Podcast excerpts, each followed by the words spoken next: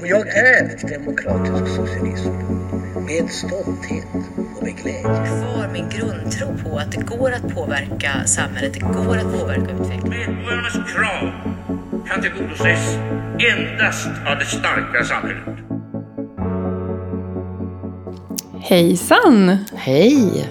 Sitter vi här igen. Ja, Och idag tänkte vi att vi skulle svara på lite frågor som vi har fått in. ja precis. Vi har ju ett gäng lyssnare nu som, som följer oss på Facebook och som lyssnar via Soundcloud, vilket vi är jätteglada över. Fler än vad vi trodde från början. Eh, och vi har också fått frågor eh, kring hur livet som riksdagsledamot är och det borde vi ju svara på. Det tycker jag absolut att vi ska göra. Ja, Och först ut är frågan om övernattningslägenheter. Precis, hur det ser ut i en sån och vad som finns där och hur många som får plats. Och, ja, men jag har fått många frågor under min tid här. Hur det är Ja. med det där. Ja. för jag tror att många tror att vi bor eh, på hotell. Och jag tror att vissa tror att vi är heltidsstockholmare som vi har pratat om. Eller att vissa tror att, att det är liksom lägenheter som är som lyx, och riktigt så är det ju inte. Nej. Nej. Men det tänker jag är nog kanske det jag blir eh, mest, eh, kanske lite förundrad över. Men också sådär, eh, jag vet inte, jag kanske blir lite förvånad över att alla tror att vi är här hela tiden. Att vi har flyttat hit för att vi är riksdagsledamöter. Så det tänker jag kan väl vara bra att berätta. Vi är ju faktiskt här, eh, men gener- generellt, de flesta riksdagsledamöter är här tisdag, onsdag, torsdag. Och sen åker vi hem till våra län eller om vi ska göra några andra saker. Men det är de nätterna vi, vi är här.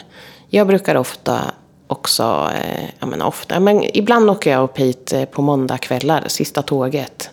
För då är jag här och behöver jag inte gå upp jättetidigt på tisdag morgonen eller så. Speciellt om man har något tidigt på, på morgonen.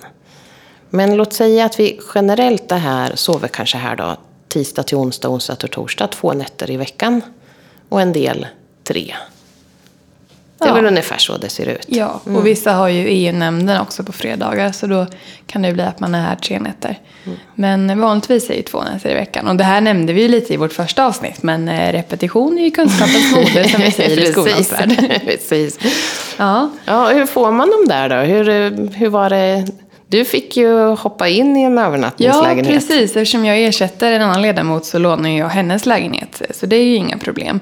Men eh, det finns ju en, en regel som säger att om du inte är stockholmare från början och har längre än, vad är det, 10 mil till Stockholm. Fem mil. Vi är ja. lite osäkra på den där milsregeln. Längre än ett visst antal mil till Stockholms innerstad så har man då rätt att få en övernattningslägenhet under tiden som man tjänstgör som ledamot. Eh, Det betyder alltså att alla stockholmare som är riksdagsledamöter bor hemma hos sig och får ingen lägenhet. Men vi andra som inte är stockholmare får alltså tillgång till en, men vi kan tacka nej. Men det är ju praktiskt smidigt att faktiskt ha en övernattningslägenhet så att man slipper pendla exakt varje dag. Eh, och vi har ju tidigare berättat att våra dagar har ju inget speciellt schema utan det är ju eh, väldigt oregelbundet och ibland så blir det väldigt sena kvällar och väldigt tidiga morgnar och då är det just skönt att kunna eh, gå hem till lägenheten och stänga om sig några timmar för sömn. Jag hade nästan inte hunnit åka fram och tillbaka. Och speciellt inte om man bor ännu längre bort än vad vi gör. Alltså, pendlar man ifrån Östergötland är det ju ändå inte så himla långt. Men det är ändå tillräckligt för att man inte ska hinna hem på kvällen när man har haft sista mötet sent. Och så ska man vara här ja, vid åtta på morgonen dagen efter. Då blir det svårt att hinna hem. Så det är just därför som vi har dem. Men det är ju också så att den där tilldelningen, eller vad man ska säga, för det är ju inte våran. Det är jag bara lånar ju också Ja. en lägenhet av riksdagsförvaltningen, för det är ungefär så man kan, kan se det som. Ja. Eh, Den dagen jag inte längre är riksdagsledamot, eller alla vi, så är det ju inte vår lägenhet. Då ska jag flytta ut ur den så snabbt som bara möjligt, så att den som får uppdraget kommer in. Precis. Så det är inte min. Nej. Men just under den här pe- perioden eller tiden som jag är här så är det jag som har den lägenheten. Det är jag som har nycklarna dit. Mm. Så det är inte vem som helst kan inte komma in där. Nej. Men jag tror att fördelningen av de där lägenheterna ser lite olika ut. I, I vårt parti är det så att man väljer efter, om man har suttit länge så får man, får man vara den som är först och de som kommer in som nya får välja på slutet.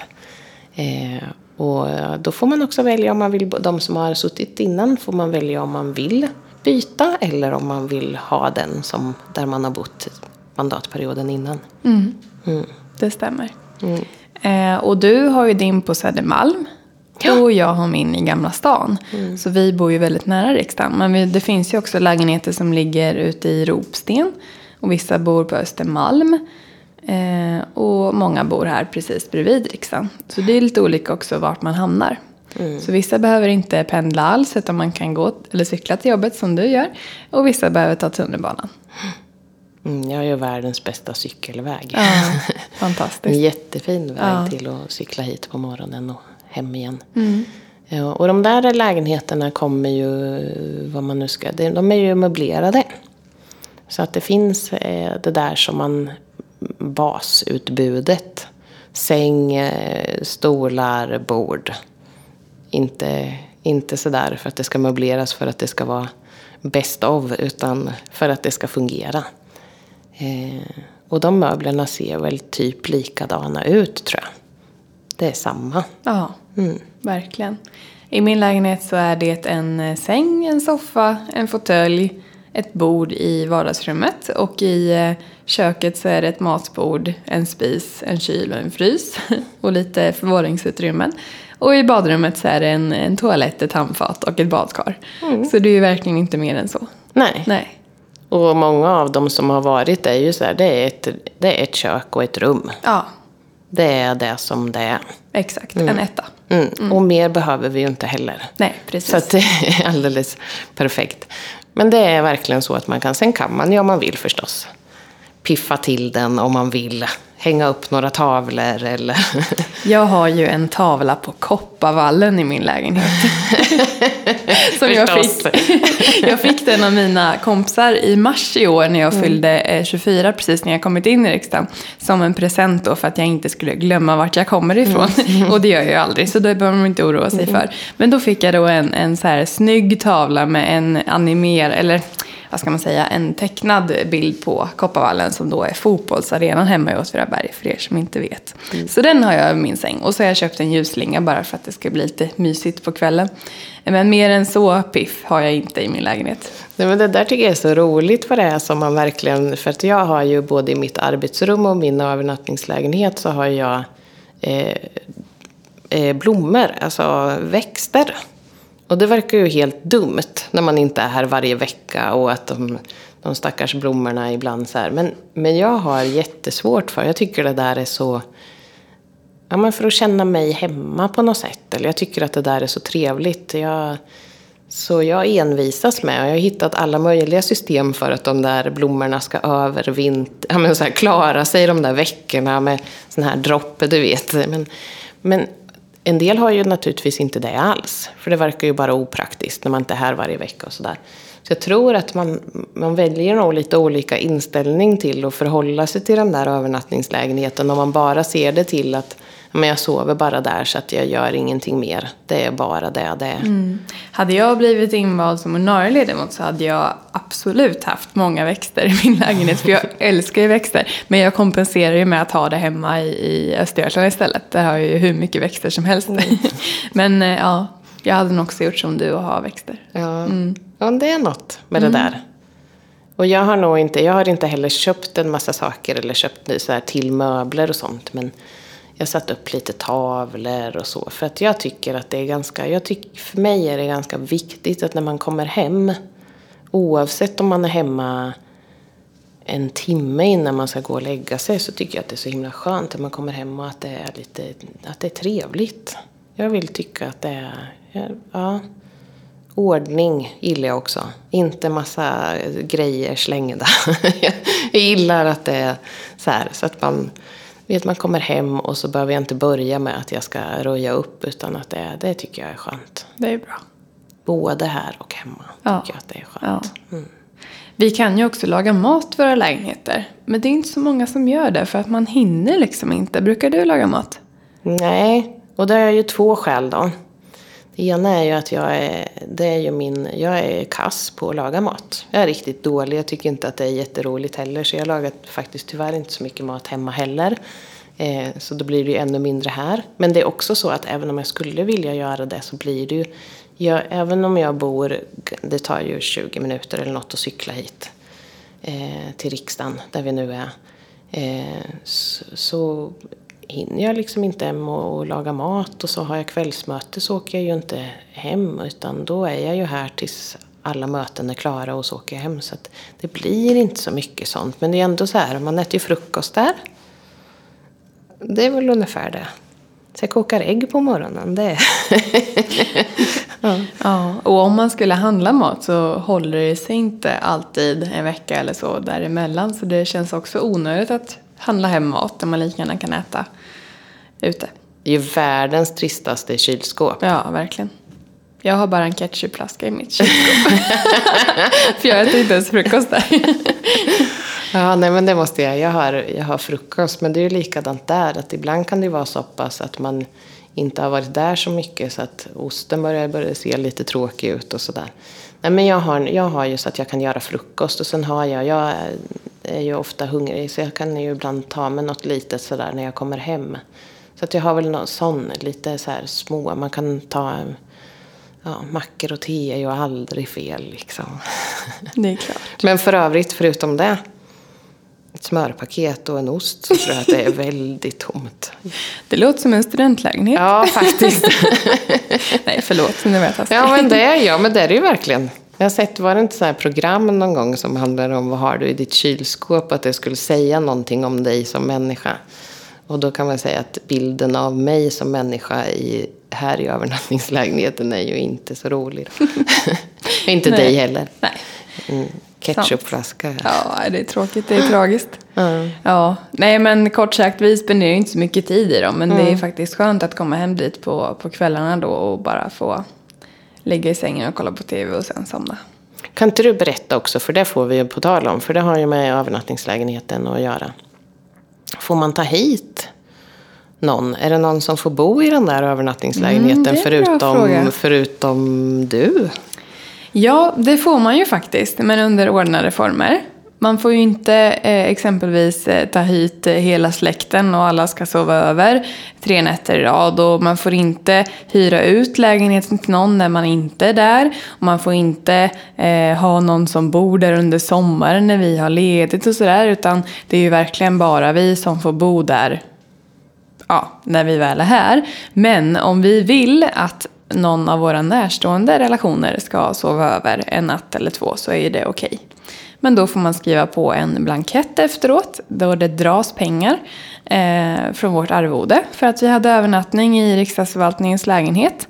Eh, och det är ju ett bra sätt såklart för att vi inte ska överutnyttja det här för att det är ju faktiskt inte vår lägenhet. Vi har den ju bara till låns. Så ens barn, om man har några, som är under 18, de får bo hos en. Kommer ens man, eller fru, eller partner, då får man betala för den. Och man, då måste man också anmäla som sagt att den personen har bott där eller övernattat där. Så det är ju ganska regel, eller hur? Ganska så här. Eh, vad tänker du om det? Jag tycker det är ganska, jag tycker det är bra. Jag tycker inte att det är så här. Det är väl rimligt att man har, att, att det inte blir så här att människor bara kommer och bor över där. Eller att man så här använder den till något annat så. Eh, men det känns lite konstigt när man ska så här. Nu har min man bott här i, i, min, i min lägenhet. Så man ju faktiskt är ganska, det är det normala hemma. Att vi lever tillsammans. Eh, men däremot så tror jag att det, jag tror att det är så att eh, på öppnandet va, så får de bo gratis. Ja, Mm. En natt om Ja. året så får de det. Jag tycker också det är rimligt. Mm. Att man inte ska överutnyttja det här. Och det är inget jobbigt att fylla i en lapp. Det är liksom inte för varje natt eh, om året utan det är ju bara någon gång ibland när man har besök. Så det är absolut inget jobbigt skulle jag säga. Nej, det tycker inte jag heller. Jag tycker det är helt rimlig liksom, regel. Det jag tyckte var lite var när, när jag vikarierade som, som du gör så hade jag en lägenhet som var i det så kallade ledamotshuset som ju är ett av husen som tillhör riksdagen. Och då var man tvungen att gå igenom den här säkerhetskontrollen varje gång. Inte jag då som riksdagsledamot, men om jag hade mina barn här så var de tvungna att gå igenom säkerhetskontrollen varje gång. Så skulle vi gå ut bara och gå bort till kiosken och hämta, alltså köpa något eller alltså vad som helst. Så fick de eh, gå igenom säkerhetskontrollen varje gång. Och det var, det kändes lite, jag vet inte, jag fattar att det måste vara så. Jag tycker inte det, jag ifrågasätter inte alls regeln. Men det kändes lite, det kändes lite konstigt. Ja, absolut. Och då var man ju också så här, ska vi verkligen gå ut och ta Ja. den där promenaden? Nej. för att det känns ju också viktigt, för det, jag tycker att det är ju superbra att man kan ta hit sin familj. Det är ju många som är småbarnsföräldrar som är här. Ja, oavsett om man har barn, om, även om de är större som, som mina, så det är viktigt att man kan ta hit dem och att de kan vara här. Och att vi också har en, en barnverksamhet Just det. där barnen kan vara. Ja, det finns ju faktiskt i riksdagen. Eh, ett, jag, har aldrig varit inne där, men jag har förstått som att det är några lekrum och så finns det personal som tar hand om, om barnen som, som behöver vara där när mamma eller pappa jobbar. Det är ju fantastiskt. Och förr i tiden så var det ju så att de kvinnor som födde barn kunde ju inte ens få ledigt från sitt riksdagsuppdrag. Man kunde alltså inte vara föräldraledig under småbarnstiden. Vilket gjorde att eh, många fick då ta med sig barnen hit. Men då blev man ju utskälld för att man hade med sig sitt barn på mötena. Eh, Men sen så införde man ju den här barnverksamheten som underlättar för många föräldrar. Det är jättebra, Ja, och nu har man ju också rätt att vara föräldraledig. Vilket är fantastiskt bra. Mm, verkligen. Det är ju för, och, och framför, det är ju för en själv. Men det är ju framförallt för barnens skull också. Att man inte ska... Det är jätteviktigt att ha möjlighet att vara med, med sina föräldrar. Jättebra, tycker jag. Toppen. Ja. Så tummen upp då. Bra med övernattningslägenheter, bra med regler för dem så att de inte överutnyttjas. Bra att man får ta hit sina barn och att vi har en barnverksamhet.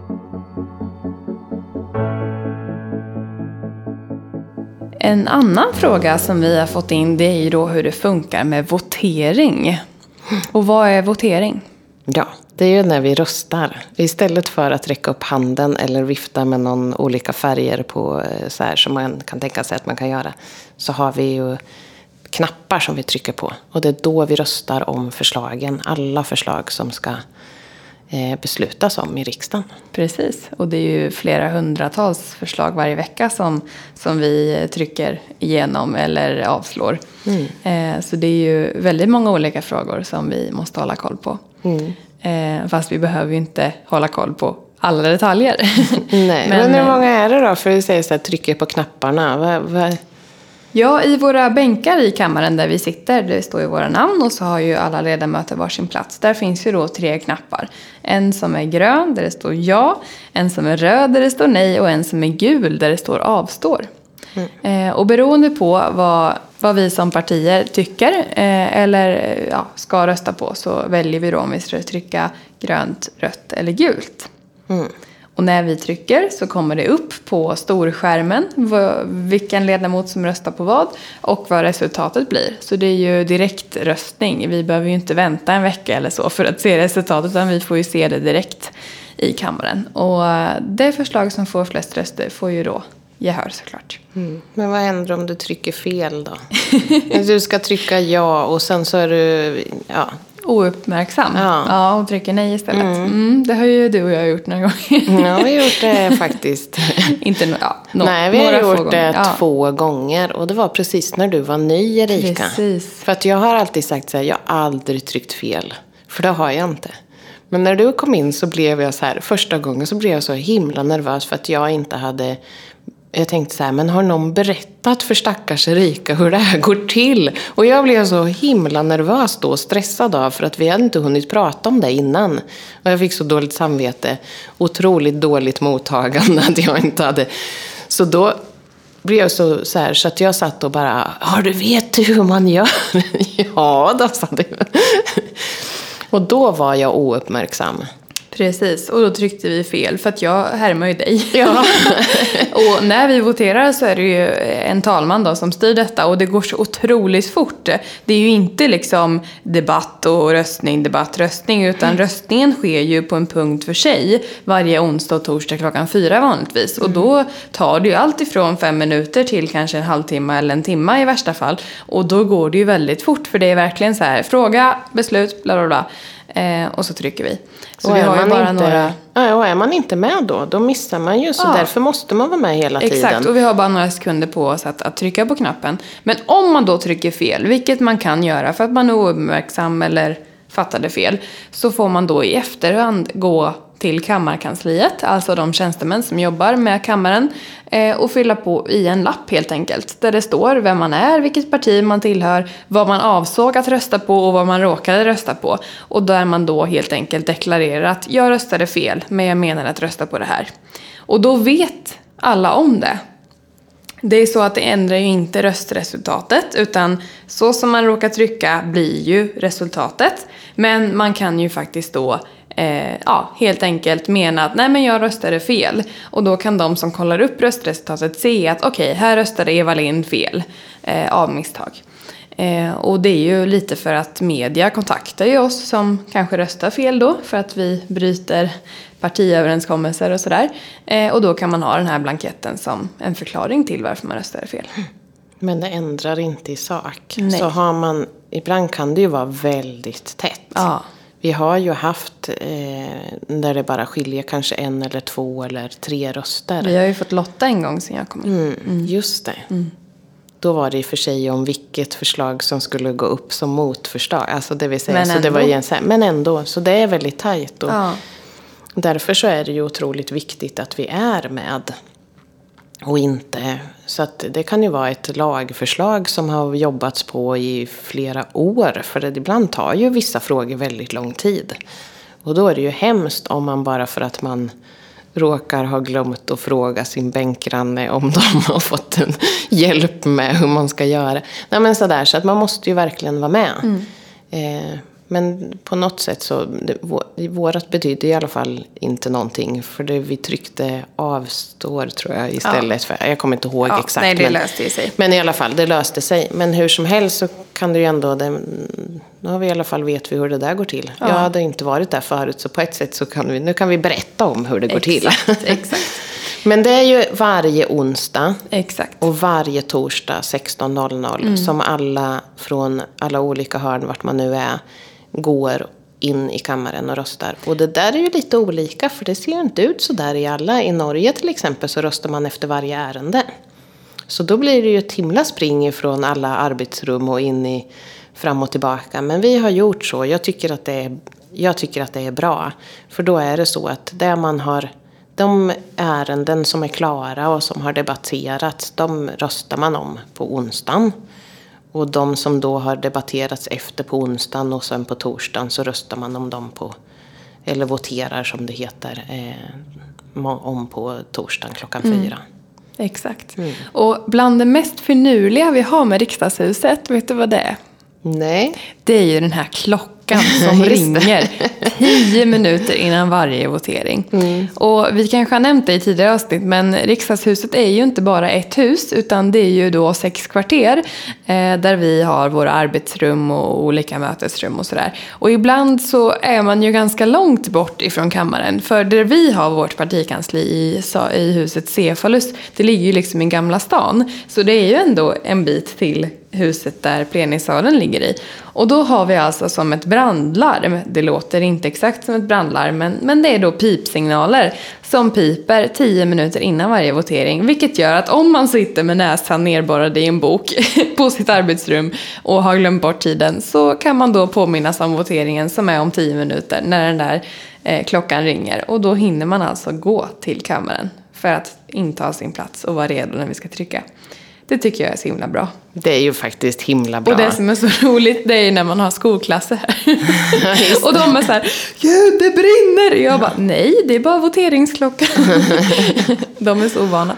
Ja, men jag tyckte nog i början att det var lite så här, jag kallade den för dagisklockan för att det var så här lite att man kan man inte ha ordning på sig själv måste man väl veta när det är liksom dags att gå och votera. Men jag håller med dig. Jag tycker att det är bra och det är också en säkerhet så här, för det kan ju faktiskt vara så att man är så, precis som du säger, fullt inne i en bok och det vore ju hemskt om det är så att, att eh, ledamöterna missar eller inte vet jag. Det är inte så vanligt att klockorna går fel nu längre eftersom man har de tiden på mobilen men att man faktiskt är så mitt uppe i någonting. Ja. Och jag är ju en expert på att glömma bort för att jag blir så upp i ett samtal eller sådär. Att man kan bli så absorberad av det, att det är så roligt eller något. Så det är ju egentligen väldigt bra. Så jag håller med dig om att jag har slutat att raljant säga dagisklocka. Det är bra. Utan Det är att bra. det faktiskt är bra. Ja. Det är finurligt och Men, bra. men om, eh, om jag då verkligen, verkligen måste gå på en begravning eller om jag är super, super sjuk eller av någon annan anledning verkligen, verkligen inte kan komma till riksdagen när det är votering. Hur funkar det då? Då har vi de som kallas för kvittningspersoner. Då får man helt enkelt ansöka om. Och bröllop är inte alls så att man eh, normalt får ledigt ifrån riksdagsuppdraget oavsett vem det är som gifter sig. Nu sa jag begravning. Jaha, förlåt. Jag kanske inte ska Men säga bröllop heller. Inte begravning heller. Nej. för att jag hade en sån, jag hade en, en mig närstående som, som dog och som jag ville väldigt gärna gå på den begravningen. Men det är ju inte, det är inte så att man har rätt att bara vara borta. Men då kunde jag stå eh, på kö, som det heter. Att det kunde vara så att någon, någon eh, någon från något annat parti var borta så jag fick vara ledig och gå på den här begravningen. Men det var ju inte för att jag hade rätten utan för att det just var så att det var fler på den andra sidan som var borta. Och det är ju det det här handlar om. Kvittning handlar om att man, vi har ju våra uppdrag som, ibland har vi ju eh, internationella uppdrag. Ni ska åka till något parlament eller vi har en sammankomst. Och, så här. och då tar ju inte det hänsyn, alla tar ju inte hänsyn till när vi har våra voteringar i, i riksdagen. Så då är det här för att det ska vara möjligt att ha sådana typer av uppdrag. Så då ansöker man och då får man, om man har ett internationellt uppdrag, eller någonting som har med ens uppdrag som riksdagsledamot att göra. Då ska man kunna få möjlighet att åka på det. Men då för att det inte ska bli ojämnt om vi är fem socialdemokrater som åker på ett och samma möte och det kanske bara är en moderat. Då är det för att jäm, få det där jämlikt så att det faktiskt är folkets röst som fortfarande gäller. Så att inte det blir eh, betydelselöst bara för att några ska iväg. Så kvittar man som det heter. Då kvittar man ut fyra moderater till så att det blir fem moderater totalt som är borta. Lika många som socialdemokrater. Alla partier, alltså de andra partierna. Proportionerligt. Proportionerligt, precis. Eh, men man har inte rätt, varken för bröllop eller för begravning. Man kan inte förvänta sig det. Men ibland kan det ju vara så att den här en av de här moderaterna som då blir eh, bortplockade, utkvittade för att det var fler socialdemokrater som var borta. Då kan det ju vara så att någon av dem har önskat att få vara ledig för att gå på ett bröllop eller en begravning. Och då blir den som får möjlighet att vara borta för att gå på det. Exakt. Så, Så, eh, Mm. det är ett balansssystem mellan partier där vi har en uppgörelse helt enkelt. Och då finns det då vissa ledamöter som är ansvariga för detta. Mm. Så man kan vara borta från voteringar, men man ska inte vara det. Nej. Nej. regeln är att man ska vara där, punkt. Exakt, varje gång. Ja. Men det kan hända att man har eh, ett uppdrag eller så som gör Precis. att man måste vara borta. Men annars får man infinna sig där. Så att de flesta onsdagar och torsdagar 16.00 då vet vi vad vi gör. Vi sitter där inne och är beredda på att trycka på röd, grön eller gul knapp. Ja, och allting filmas ju. Så vill man se en riksdagsvotering så kan man gå in på www.riksdagen.se och kolla. Just det, på den så kallade webb-tvn som finns där. Exakt. Men nu Eva, måste vi gå på gruppmöte, Just för det börjar det. om fem minuter. så vi måste Ja, avsluta återigen. dagens podd. Men eh, tack till er som skickar in frågor och fortsätt med det. Det är så himla roligt. Vi har fler frågor vi måste besvara i nästa avsnitt. Det gör vi. Vi ses och hörs då. Det gör vi. Hej då! Hej då.